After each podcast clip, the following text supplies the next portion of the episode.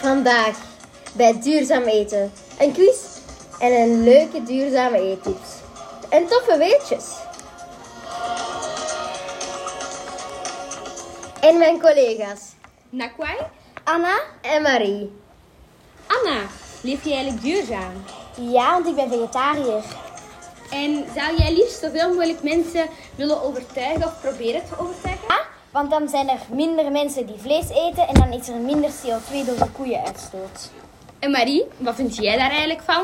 Ik vind het ook heel goed dat mensen vegetariër zijn. Maar ik zelf niet, want ik eet dat wel graag. Maar ik vind ook dat misschien dat ik ook vegetariër ga worden, want ik vind dat wel een heel goed idee.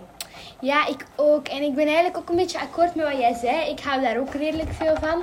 Maar ik heb daar ook al over gedacht om vegetariër te worden. Maar langs de andere kant vind je dat wel heel lekker. Maar ja, vanaf dat je even stopt, ben je dat wel aan het doen.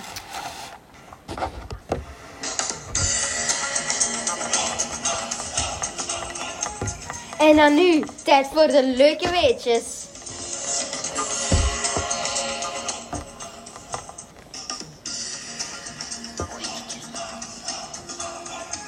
Hoe eet je eigenlijk duurzaam? Je koopt best groente en fruit van het seizoen. Koop zeker genoeg vleesvervangers, zoals broccoliburgers, vegevlees, sojabonen of hummus. Wist je dat? Koeienvlees scoort het slechtste voor C2.